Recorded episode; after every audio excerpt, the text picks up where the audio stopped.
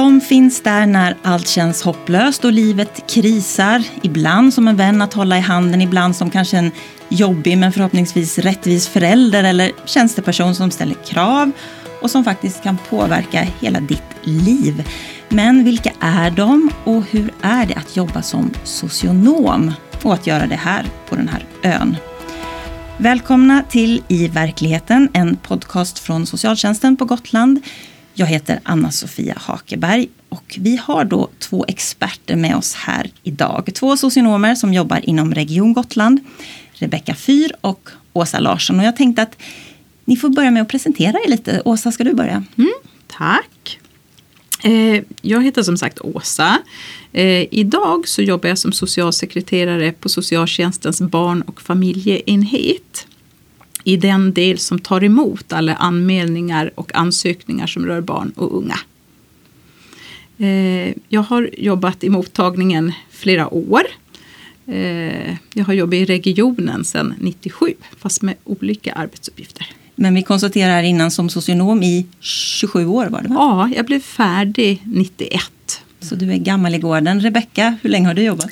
Jag, jag har jobbat i två år som färdig, eller ja, ett år och tio månader eller så som färdig. Och innan det så jobbade jag med socialt arbete men mera som HVB-personal eller så under tiden som jag pluggade. Mm. Och vad gör du nu? Nu är jag ja, kollega med Åsa fast jag är i steget efter henne kan man säga. Så att när, när Åsa har gjort färdigt de här ansökningarna eller anmälningarna om oro och bestämt om det ska bli en utredning eller inte. Om det blir en utredning, då är det jag är en av dem som blir handläggare för det och då utreder barnets situation. Mm. Mm. Vi ska prata om mycket idag men först så tänkte jag, om vi börjar med dig Rebecka, mm. om, om du skulle vilja berätta om en, en guldstund i ditt jobb där du kände att åh vad bra att jag blev socionom, jag gjorde rätt, jag, rätt val. Mm. Ja, alltså, vi, vi pratade om det här innan också, att det, det, är ibland är det svårt att veta vad, är, vad det är som gör att det känns som att ja, det här är verkligen, det känns jättebra i magen. Vad är det som gör att man lämnar ett möte med en familj eller en, en individ och känner sådär att jag har valt rätt och det här blev riktigt bra. Och för mig tror jag att det kan kännas jättebra både när man har gett riktigt jobbiga besked och när det har varit att man liksom går någon till mötes eller sådär. Men, men den jag spontant tänker på som jag tänkte liksom ja, som bara poppade upp i mitt huvud mm. är en, eh, en person, då, en individ får jag säga, som var på min förra arbetsplats som eh, hade haft ganska mycket kontakt med socialtjänsten när hon var barn. Eh, men aldrig hon hade aldrig berättat någonting. Alltså det var, fanns mycket oro kring hennes föräldrar och hur hon hade det hemma och så. Men hon, nej, hon, hon var tyst. Och sen när hon var 17 år då, så, så tog hon kontakt med en så här hjälptelefon och ringde och sa att nu, nu orkar inte jag det här mer utan nu måste någon hjälpa mig härifrån. Mm. Och då så, så landade det ärendet hos mig. Och vi träffades och det här var en superklok person som hon har, ja, verkligen har jättemycket egna resurser.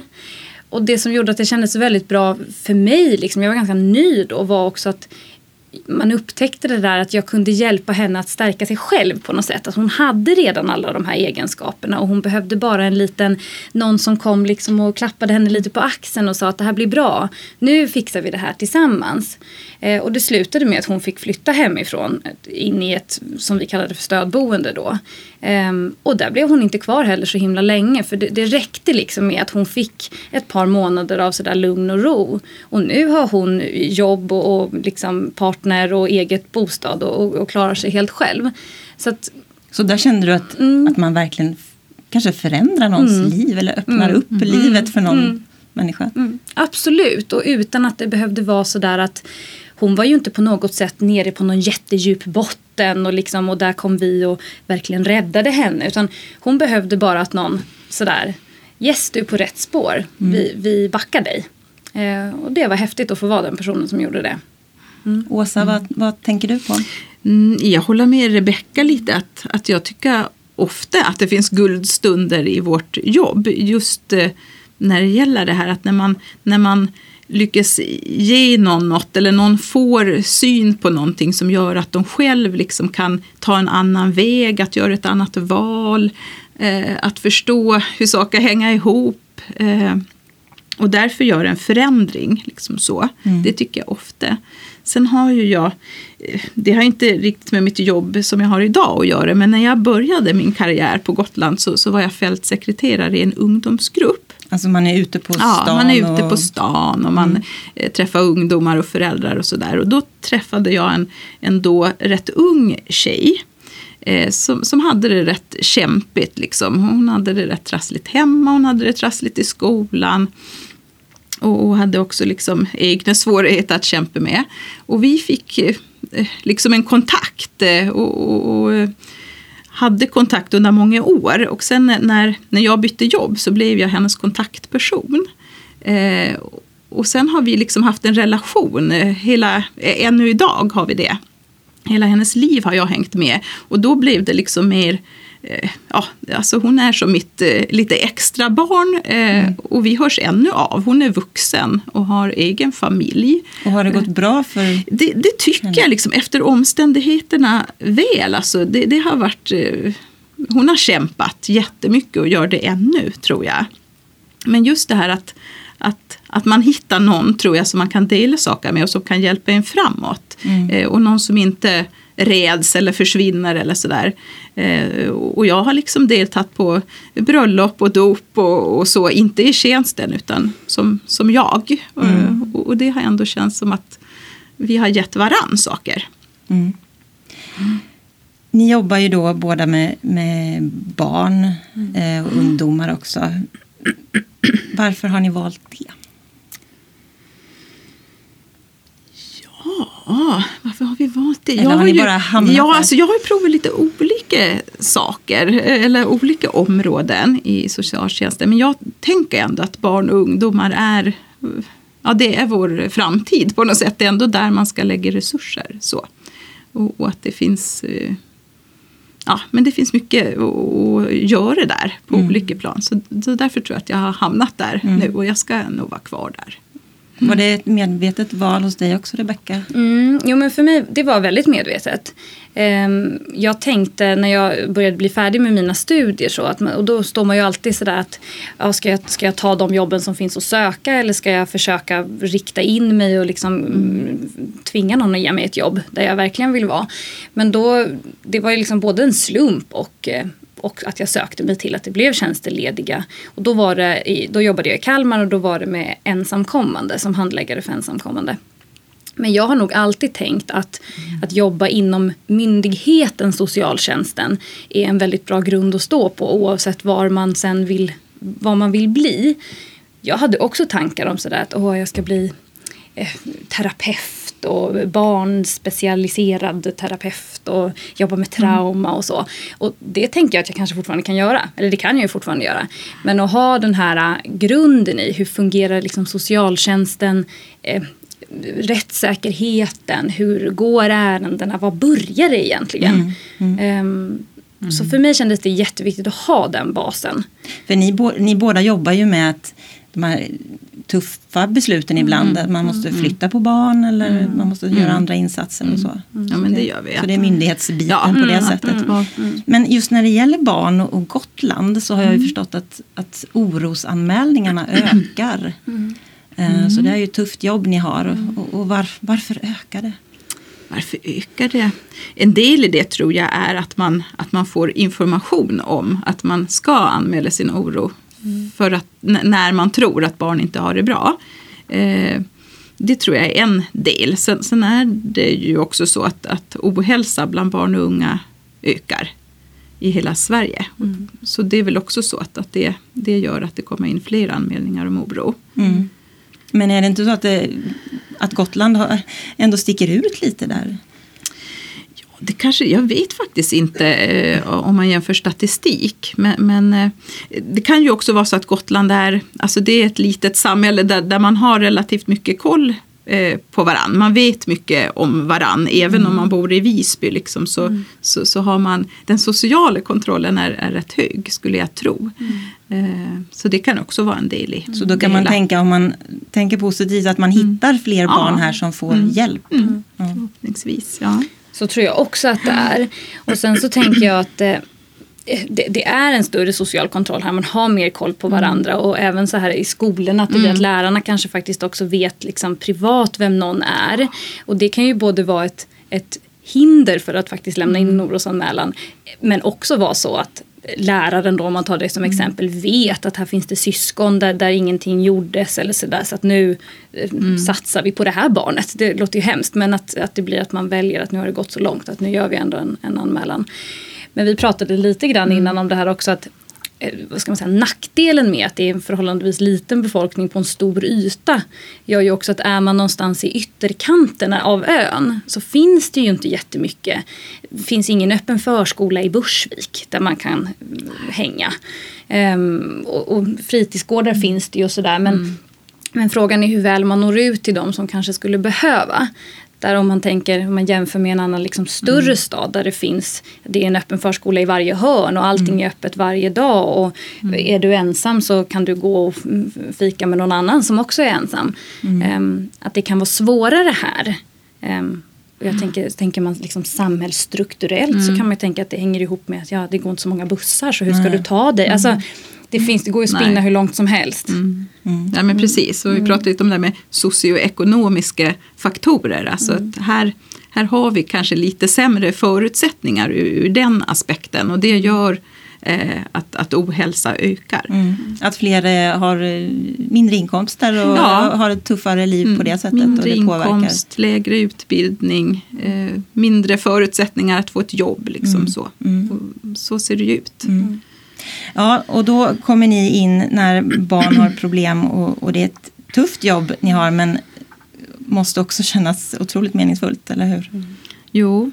Eh, och om, man, om man tänker så, eh, att, det här med, med att, att vara föremål för socialtjänstens eh, insatser och utredningar så att, att vi tänker att, så att, att syftet med det är ju att, att det ska bli bra, att, att barn har rätt i vissa saker, att man ska få eh, liksom saker som gör att, att det går bättre i livet. Inte tvärtom, inte att det ska vara ett straff eller att man ska bli utpekad. Liksom så, utan meningen är ju att ge barn och unga Mm. bättre förutsättningar. Mm. Eh, Åsa, du har ju då jobbat med andra saker Mm. och du kanske också har hunnit skaffa lite mer koll i social, Mm. om socialförvaltningen i stort. Vad kan man mer jobba, om man är socionom, Mm. vad finns det fler för arbetsplatser här inom regionen? Ja men oh ja, vi, vi spånade lite på det Rebecka och jag. Men Vi det finns ju, en lista. Ja, vi gjorde en lista. Ja, men ja, det finns ju bra. otroligt mycket eh, arbetsplatser. Man kan jobba som kurator, eh, både på sjukhuset och i skolan. Man kan jobba med biståndsbedömningar, alltså när det gäller LSS och äldre. Man kan jobba på frivården. Man kan jobba på behandlingshem. Man kan jobba med behandling i öppenvård. Psykiatrin kan man man, kan jobba, jobba på Mm. psykiatrin ja, som kurator eller Så det- behandlare. Det finns en hel del Ja. olika typer av arbetsuppgifter. Ja, med och just det med flyktingar och ensamkommande, där är vi också mycket socionomer. Så att det finns ju otroligt många arbetsplatser man kan vara på som socionom. Och inom missbrukarvården också. Finns vi. Och du har ju varit inom flera områden, både på Gotland och, och på fastlandet. Hur skulle du säga att, att socionomyrket, om, om det har förändrats, hur har det förändrats? Jo, det har det. Alltså eh, förr, för- med risk för att låta som en, som en sten, eh, så, så, så tror jag att vi, vi gjorde mer och dokumenterade och administrerade mindre. Eh, nu administrerar vi och dokumenterar vi otroligt mycket. Och det är inte bara av ondo, utan det innebär ju också att vi har jag tycker att man har bättre koll på rättssäkerhet, att vi vet vad, vad som är vårt jobb och vad som inte är vårt jobb eh, idag. Men vi, vi har otroligt mycket administration. Kan vi. man säga att, att man gick mer på känsla för? Och, Ja, känsla och, och att man hade mer utrymme liksom att, att träffa människor, att åka hem till, till familjer, att vara på stan, liksom att göra sådana saker. Eh, det utrymmet har vi inte riktigt Mm. idag. Och sen så tycker jag också att förr hade man ett enormt ett vuxenperspektiv. Det var föräldrars perspektiv som, som beskrevs. Det var mycket, mycket sällan, tycker jag, som, som man tog barns perspektiv och barns parti. Liksom Mm. så. Mm. Och där kan man väl säga att det är, det är en positiv utveckling. Ja, där, det är en positiv av. utveckling och att vi har vänt på det. Och, Mm. och tänka nu när, när barnkonventionen ska bli lag också så, så kommer det kanske att bli ännu tydligare. Mm. Eh, Rebecka, varför bestämde du dig för att ge dig in i det här yrket? Ja du, varför gjorde jag det? Eh, nej, men jag har nog alltid ändrat. Jag gick barn och fritid på gymnasiet. På Donner i Klintehamn. Och då var vi eh, i Bosnien. I eh, tre olika omgångar var vi där. Så tre månader totalt var jag, var jag där. Och då var vi på barnhem bland annat. Och på skola för barn med speciella behov. Och jag tror någonstans där så, så upptäckte jag väl att eh, att det fanns massa saker att göra. Och jag tror också jag förstod någonstans att det, det hänger liksom ihop med att om man inte har en fungerande liksom samhällsstruktur eller det inte finns någon myndighet som kan fånga upp eh, och faktiskt göra de här alltså behovsbedömningarna som vi egentligen gör. Det visste jag inte när jag sökte men som jag nu vet att vi gör. Eh, alltså, då, då blir det liksom bara pannkaka i slutet. Eh, då blir det lite godtyckligt och så har man barn på barnhem ungefär när det inte funkar. Eh, och sen så slumpade sig att jag sökte just när jag gjorde. Men att det skulle vara någonting med människor och någonting med, med socialt arbete, det har jag vetat hela tiden. Har du ångrat dig då, eller blev det som du tänkte? Det, vi pratade om det innan också, det blev nog ganska exakt som jag hade tänkt. Mm. Ehm, jag tror jag hade en ganska realistisk bild av vad socialtjänsten innebar. Um, sen har jag ju kompisar som liksom har jobbat i, i de här banorna eller vad man ska säga tidigare så jag visste ganska mycket. Sen var väl kanske inte utbildningen så tydlig och konkret som jag hade förväntat mig. Men själva jobbet när utbildningen var färdig blev ju betydligt tydligare. Mm. Mm. Den här bilden eh, vad en socionom eller socialsekreterare, hur den är och hur den ser ut. Eh, jag vet inte vad man tänker sig, man tänker lite Palestinasjal Mm. och eh, Mm. ja, och kvinna framför allt Mm. tänker man ju. Mm. Stämmer den bilden? Vi har väl mer så här kofta och halsduk. Ja, precis. Det, det är nog den nya tidens socialsekreterare. Det är kofta och sjal. Ja. Eh, inte Palestina-sjal dock. Men eh, kvinnor är vi ju i majoritet. Är vi. Mm. Men, men annars, eh, jag, tänker, jag vet inte om det finns någon sån här eh, mall för, för hur vi är. Men, men, men det är klart att, att jag tror att det är svårt att jobba som socialsekreterare eller i socialt arbete om man inte har det här engagemanget som Rebecka beskriver, att man ändå måste eh, se eh, på, på människor och samhället att det finns ett samband. Liksom att, eh, rättvisor och orättvisor och, och så. Ja, att jobba som socionom och socialsekreterare, då, då möter man ju människor i kris och i svåra delar av livet. Eh, innan så berättade ni ju om guldstunder som ni bär med er. Om man tänker tvärtom, när har det varit riktigt tufft? Det, det är det med jämna mellanrum höll jag på att säga. Eh, jag tycker att det är ibland när man har barn och man har det här jobbet så, så är det ju ibland så att, att, att människor är arga och besvikna på en just då. Och då kan man kanske inte alltid gå in på McDonalds fast barnen vill det för att det sitter någon där som man liksom inte orkar prata med eller man orkar inte höra någonting eller att folk ska titta på en. Och då kan jag känna att då, då känns det rätt så tufft sådär. Eh, Att det påverkar ens ja, ens privatliv. Ja. Liksom, när, när, när man tänker att barnen liksom kanske får höra saker om en eller så. Men, men, men annars, eh, och det, det kan vara just då. Men, men, och ibland kan jag få så här att man kan bli lite ledsen över hur mycket ont människor kan göra varann liksom, när det gäller våld och sådär. Då, kan man, nej, då behöver man eh, söka tröst hos sina kollegor ibland för att liksom kunna stå ut med det. Mm. Mm. Rebecka, vad tänker du? Jo, men jag tänker precis som Åsa att det är det som är det är ju det som är det tuffa, det övergripande tuffa.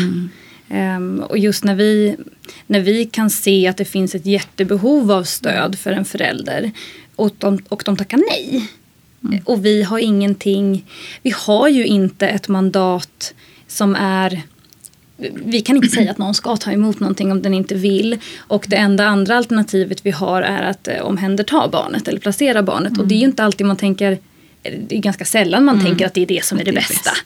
Utan man vill ju, vi vill ju erbjuda stöd och när man själv sitter och ser att det kanske skulle bli helt tillräckligt bra i en familj om vi bara fick komma in med eller om, ja det blir ju massa om hela tiden. Och så blir det inte det och man tvingas att släppa det. Ehm, och där tänker jag att det kanske på ett annat sätt också är tuffare på Gotland för att det Mm. är så litet att man ser ju kanske de här barnen. Mm. Man kan Eh, inte släppa dem nej, utan de Nej, följer med en. De följer med. Ja. Så är det. Sen är ju hot, eh, när det blir riktiga, det har inte jag varit med om här. Men, eh, och det sker ju väldigt sällan, men det händer ju att, eh, att det kommer verkliga hot mot socialtjänsten. Mm. Och det är ju inte eh, kul. Jag har varit med om det en gång när det har blivit så att jag har fått med mig larm hem och sådär ifall någon skulle komma. Eh, och då blir det ju också, jag har också barn. Ehm, och det blir, då, då påverkar det ju en liksom efter. Men i övrigt tänker jag att eh, det, det tuffaste rent arbetsmässigt är om man ser, ser behovet av stöd och eh, familjen inte vill ha det. Du som är ny i yrket ändå fortfarande, Mm. kan du känna att det finns en oro att, att du ska bli känslokall eller luttrad med åren? Alltså, nej, inte nu längre. Ehm, jag tror att när man kommer som helt ny, helt helt ny, eh, så kan man nog kanske reagera på att ehm, man kan behöva skratta åt saker som är väldigt, väldigt svåra. Ehm, och det, man skrattar ju inte för att man tycker att det är kul. Utan man måste på något sätt hitta, man måste hitta ett sätt att förhålla sig till det här jätte, jättesvåra. Ehm, och det, men jag, inte att jag skulle bli känslokall på något sätt. Jag tror snarare att man, liksom, ju längre tid man jobbar blir väldigt bra på att snabbt avgöra om någonting är akut eller inte. Ehm, där känner jag att jag inte är en. Jag går igång på ganska många saker. Ehm, på ett sätt som jag inte upplever att Åsa gör till exempel. Mm. Har du blivit känslokall och luttrad? Nej, det, det har jag inte tycker jag. Men jag har lärt mig med åren, precis det du säger Rebecka, att det finns ytterst, ytterst få tillfällen eller, eller saker som är akuta, akuta, liksom fara för livet akuta. Eh, fast det kan låta så eller att någon annan upplever att det är så. Eh, och det tycker jag är en tillgång därför att man, det är bra att tänka innan man gör. Mm. I nästan alla fall. Mm. Mm. Okej. Mm. Men, men det, det är någonting som har kommit med, med åren. Liksom. Att Jag man, kan, att man kan sätta sig på Ja, stolen man- och fundera man, några ja, sekunder Man måste till. härbärgera Ja. eh, liksom stress och ångest. Mm. Eh, för det är ju ofta så att det kommer ifrån andra professionella också. Mm. Eh, och jag tror att det är därför vi ibland kan få lite rykte om oss att vara eh, liksom lite kalla eller sådär. Men, men det är ju för att man, man tjänar på att tänka innan Mm. man agerar. En annan bild som man har sådär om man inte är socionom själv det är att, att eh, en socialsekreterare åker hem med stöd av polis Mm. och, och tar ett barn från en familj. Mm. Har ni varit, varit i den situationen? Mm. Jo. Mm. Jo, och det har jag också varit. Ja, Mm. mm. Det händer ju. Men, men det händer ju inte på det sätt som, som kanske beskrivs. Att, att det händer från en timme till en annan. Och man inte har en aning om varför det händer. Det finns ju alltid en lång process. Och, och eh, det är ju ett rättsligt beslut. Det måste finnas en, en gedigen grund för, för ett sånt Mm. omhändertagande. Och det finns ju nästan alltid. Och hur känns det när man kommer hem och sätter sig i tv-soffan på kvällen? Det beror ju helt på tänker jag. Om det har varit, alltså precis som Åsa säger, allting som vi gör finns ju beslut på. Alltså underskrivna pappersbeslut. Antingen tagna av oss om det handlar om liksom mindre insatser eller av, av vår socialnämnd. Mm, Eller politiker så, helt enkelt. Politikerna som tar beslutet om det. Eh, och känner man att ha, har det här försiggått av en lång process där man verkligen är grundad i att det här är vad som blir bäst för det här barnet just nu. Ehm, då mår man, eller jag i alla fall, har, har mått ganska bra när jag kommer hem. Även om man såklart kan tänka att det blev en jätteupprörande situation både för barnet och föräldrarna eller för de andra som var med och såg eller vad det nu kan vara. Ehm, och i de fallen där man själv inte har det liksom djupt nere i fötterna att det här blir bra. nej, Då är det ju såklart inte kul. Mm. Mm. Nej. Nej men så är det ju ofta i våra beslut, tänker att man, man vacklar liksom, eh, även om man tänker att det här, det här blir rätt beslut och sen eh, är det så mycket som kan hända på vägen och det är så mycket känslor i det så att det blir, Mm. ibland eh, vacklar man och det, ibland är det svårt att veta vad som blir bäst. Ni har ju båda jobbat på fastlandet. Rebecka, du ganska kort tid men och, och, och Åsa i, i många år. Och så är ni tillbaka på Gotland nu. Och då är min fråga, hur är det att jobba som socionom på Gotland? Vi var inne på det lite innan men Jag tycker det är bra. Eh, det, finns naturligtvis eh, saker som är bra på fastlandet också. Och mycket beroende på vilken arbetsplats man är på. Men, men jag tycker ändå att Gotland är ett samhälle eh, där det finns mycket gott. Alltså det, det finns inte mm, samma eh, våldsstruktur, vi har inte kriminella gäng på det sättet. Eh, man, har närmare till, till nätverk. Eh, så jag tycker att det finns mycket som är bra här. Mm. Ja, och jag upplever att det är väldigt, att man är väldigt bra på det sociala arbetet. Alltså den, den faktiska kontakten med familjerna, att man är mån om att involvera så många som man kan. Alltså, och tänka lite vad ska man säga, tänka lite praktiskt. att jaha, nu är det så här, ja men vi kanske ska kolla med faste Berit då ifall vi kan lösa det på det sättet. Och Vi har ju två insatser nu, eller jag vet inte ens om vi kallar dem för insatser, men vi har både familjerådslag och nätverksmöten. måste vi förklara lite kort. Ja, bara. familjerådslag är ju ett, ja, vad ska man säga, man bjuder in nätverket eh, och så är det en helt fristående andra personer som jobbar inom socialtjänsten som, som leder ett möte där familjen själva får försöka lösa problemet, vad, vad det nu än är för någonting. Och då kan det vara att man sitter i ett möte med eh, faster Britta eller vad du sa och, och någon lärare kanske och någon granne och att man försöker lösa situationen. Ja, just det. Det, det är den som, den som äger bekymret, alltså familjen, som får bestämma vem som ska vara med på de här rådslagen. Alltså det var en grej, rådslag och så sa du Och nätverksmötet det, det är nog lite mer det här med de professionella ehm, och familjen. Ehm, tänker jag har haft något nätverksmöte där det har varit liksom, det är både psykiatri och det kan vara BUP och det kan vara skola och förskola och fritids och familjen och vi och alla runt omkring. Och då brukar man ha en specifik fråga och, och det kan ju vara till exempel så att man har ansökt om en kontaktfamilj.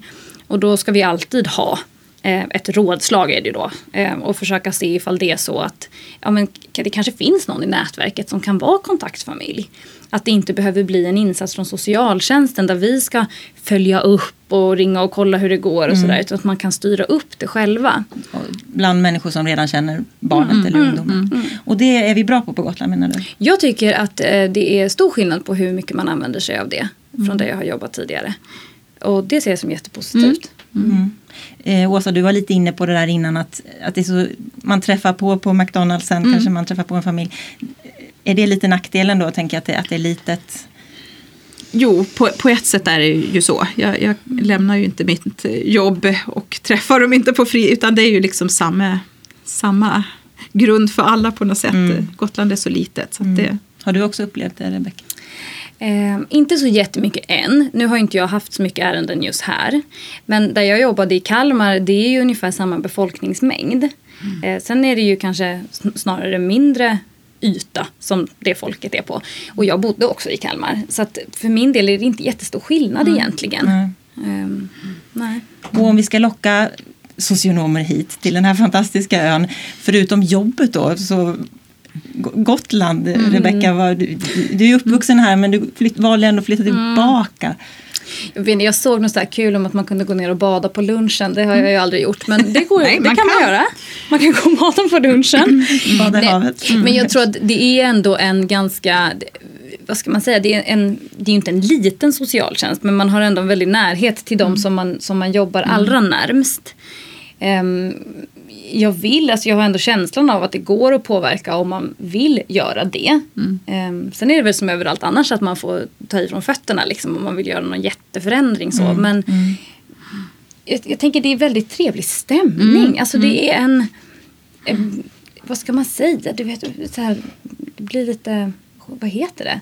När man, eh, säger ett ord sådär lite ibland. Klyschigt. Klyschigt, ja, Ja. precis. Tack. Ja. Eh, men att det är högt i tak Mm. och det är sådär. Men det håller med. stämmer verkligen. Man har, tycker kul- jag. jag, har kul på jobbet. Ja, och vi är eh, väldigt måna om att hjälpa varann. Alltså har, har vi ett problem som måste lösas så, så hjälper alla till. Eh, och, och det, ja, jag sa just det, då kan man känna så här, ja vi, vi är bra på det vi gör och, och, och vi hjälps åt. Och vi har ju alla liksom olika erfarenhet, vi har egentligen olika arbetsuppgifter men, men om det behövs så hugger alla i. Liksom så. Så vi behöver egentligen inte locka med vackra Visby för att få hit socionomer. Det räcker med att, berätta att vi har en bra social ja. förvaltning. Ja, ja, men det är bra. Eh, vad tänker ni framåt? Ska vi börja med Åsa? Kommer du fortsätta jobba med det här? Jo, det tror jag faktiskt. Ibland tänker jag så här, nej Åsa, du behöver göra något annat. Eh, och så tänker jag lite så här, och vad skulle det vara? Och, och sen bestämmer jag mig för att det, det, det, jag får vara kvar. Eh, kanske att jag gör någonting annat. Alltså, men, men jag har svårt att, att, att se att jag liksom längtar efter att göra något annat. Jag tycker att jag har ett jättebra jobb som jag har nu. Rebecka? Ja, nej, jag, jag kommer att vara kvar. Ehm, jag tänker att det, det är så otroligt mycket jag fortfarande inte kan. Ehm, som är kul att inte kunna för jag vet att jag har roliga saker att lära mig. Egentligen. Så att eh, nej, här ska jag vara. Mm. Eh, det går ju att plugga till socionom på Gotland faktiskt. Eh, tre år tar det väl? Och ett halvt. Tre och ett halvt till och med. Eh, vad skulle ni säga till gotlänningar och andra också som funderar på socionomyrket? Sök. Mm, sök, var praktikant hos oss. Helt Se om det är så. någonting för dig. Ja. Mm. Alltså jag tror att om man, om man kan bibehålla sin nyfikenhet, om man är nyfiken på människor och varför blir det som det blir för vissa och inte för andra? Och vad är det som gör att det funkar ibland och inte funkar någon annan gång och sådär. Och kan känna att ja, men det, det är jag intresserad av. Jag vill, jag vill prata med människor om det. Ehm, Mm. Och så tänker jag lite som vi har varit inne på. Eh, vi lär oss något nytt nästan varje dag tycker jag. Eh, även om man har jobbat jättelänge så är liksom, det finns alltid ny kunskap, det finns alltid nya upptäckter att göra. Eh, vi ställs ju också inför utmaningar nästan varje dag, alltså saker vi behöver lösa eller hi- hitta en, en väg framåt i. Eh, både i, i vårt klientarbete och i vår organisation. Liksom så. Det, och det tycker jag gör att man ändå känner att man inte fastnar eller det blir inte tråkigt.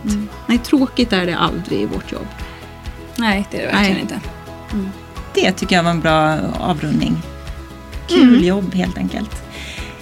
Jag ska säga tack till er, eh, Rebecka Fyr och Åsa Larsson. Och du som har lyssnat, du har lyssnat på en podcast från socialförvaltningen på Gotland som heter I verkligheten. Och du hittar alla våra program på gotland.se i verkligheten eller där poddar finns.